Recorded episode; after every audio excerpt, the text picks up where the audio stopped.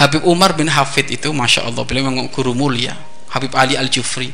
Beliau itu kalau nerima telepon nerima telepon itu hampir tidak pernah lepas daripada zikir Assalamualaikum ahlan wa Masya Allah. Allah Allah Allah. Ya Allah ya Allah. Jadi kalimatnya itu zikir-zikir terus. La ilaha subhanallah Allahu akbar.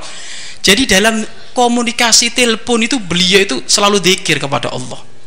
Ya memang guru-guru mulia itu kayak gitu kalau ente kan enggak. Umi kirimannya priben kirimannya ya kan? Allah.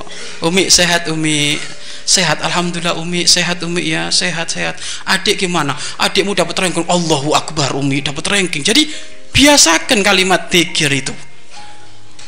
Iya. Seneng masya Allah ini kakak di pondok ada perubahan itu.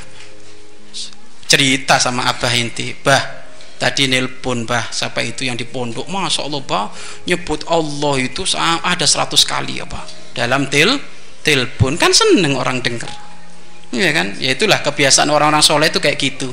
Walaupun dalam urusan nelpon masih tetap berzikir kepada Allah kepada Allah